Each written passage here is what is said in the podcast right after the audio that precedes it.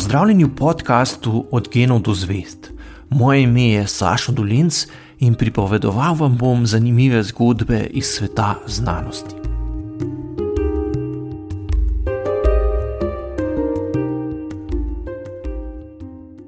Konec poletja, v bistvu, me je kolega klical in me vprašal, a veš, da je prvi razpis, da zaposlijo na enem inštitutu v Sloveniji komunikatorja znanosti. Ne. Jaz sem rekel, to je pa res sprememba. In sem šel na internet poiskati ta oglas in sem najdel, da res na Nacionalnem inštitutu za biologijo iščejo komunikatorja znanosti. Ampak, ko sem si malo bolj podrobno pogledal razpis, sem pa hitro ugotovil, da gre za bistvo, PR osebo na inštitutu z klasičnimi opisi del za PR, PR-ovce. To je mogoče že en.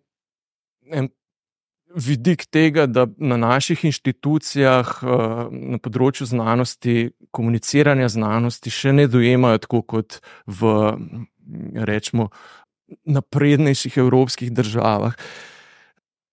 Ko sem š, potem še malo iskal po drugih inštitucijah, sem gotovo, da je v bistvu Univerza v Ljubljani dala komuniciranje znanosti med prioritetna področja. In tudi to dala v letno poročilo, ampak ko malo bolj podrobno pogledaš, pa navajajo fotografsko razstavo na Krakovskem nasipu kot en najpomembnejših dosežkov na področju komuniciranja znanosti.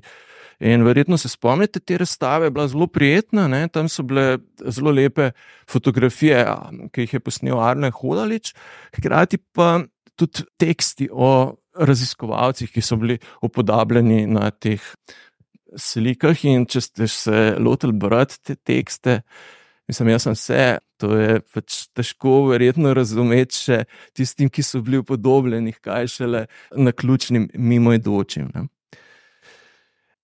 Kaj, kaj zdaj ta dva primera kažeta? Da, da mogoče komuniciranje znanosti pri nas se preveč povezuje oziroma dojema na vrhovih inštitucij z promocijo konkretnih inštitucij ali pa znanstvenikov. Ne. Da tudi, ko sem gledal nekateri. Nekatere, nekatera PR podjetja sebe dojemajo kot komunikatorje znanosti, ne, če delujejo na področju, da pomagajo inštitutom, kako prodreti z neko, nekim sporočilom v javnosti. Ne.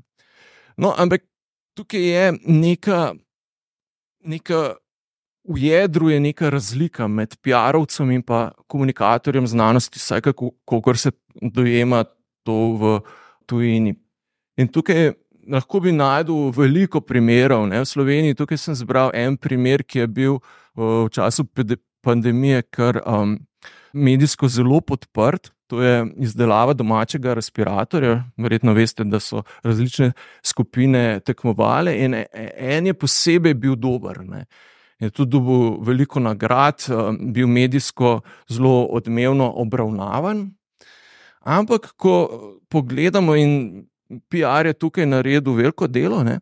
ampak, ko pogledamo malo bližje, je bila pa ena pomembna informacija pozabljena.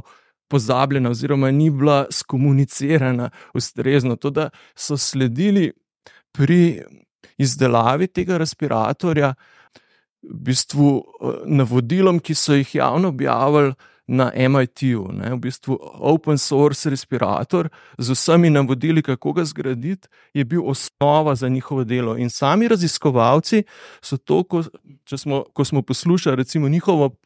Predstavitev so to podarili, da so iz tega štarta. Sicer so potem naredili tudi marsikaj svojega, ne? vse sprogramirali z svojimi inštrumenti, eh, deli to razvili, ampak to, kar pomembno informacijo, te, te, tega potem PR-ovci niso naprej predstavili in se je izgubilo. Ne? Večina javnosti te informacije ni imela. Ne?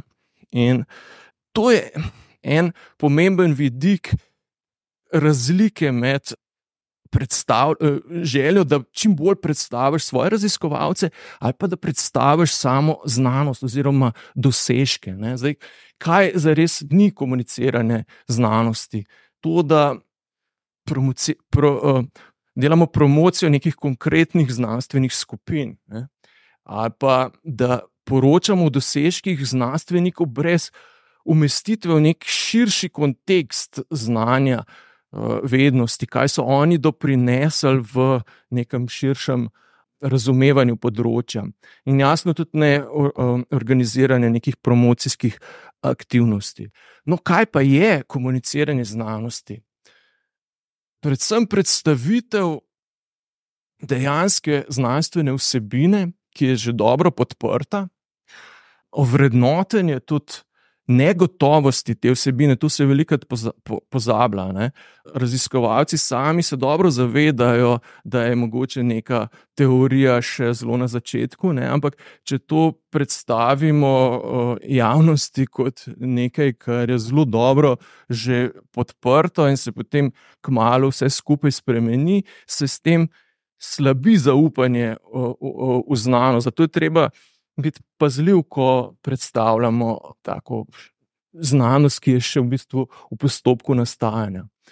Jasno je treba sporočilo povedati v jeziku, ki ga javnost razume, specifična javnost, na katero se naslavljamo. Ne?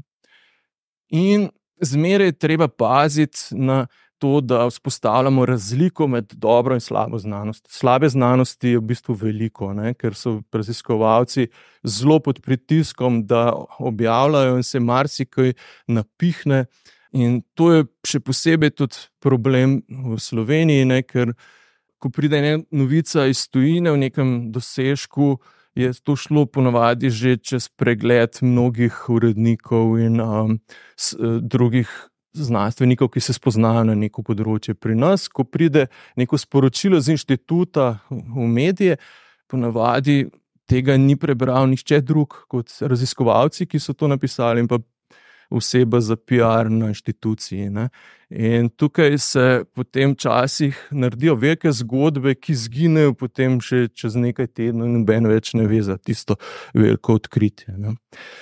No, v nekaterih evropskih državah so naredili kar velik korak naprej, recimo Nizozemska, mislim, da je najbolj napredna, ki je komuniciranje znanosti že umestila na inštitucije in se to tudi vrednoti pri delu raziskovalcev. Imeli so nek velik projekt zadnja leta prav na to temo in so prišli do nekih zaključkov, kako se to umešča v sam sistem. Ne.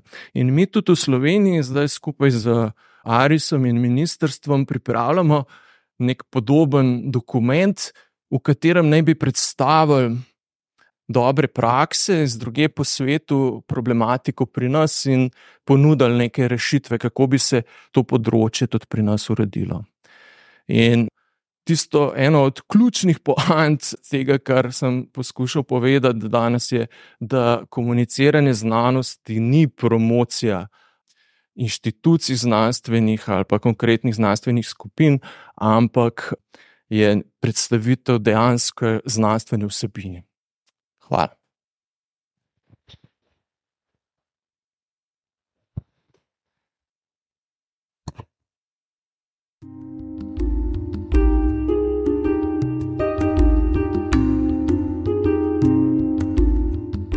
To je bil podcast Od genov do zvest. Moje ime je Saša Dolence in z novo zgodbo se vam oglasim že k malu.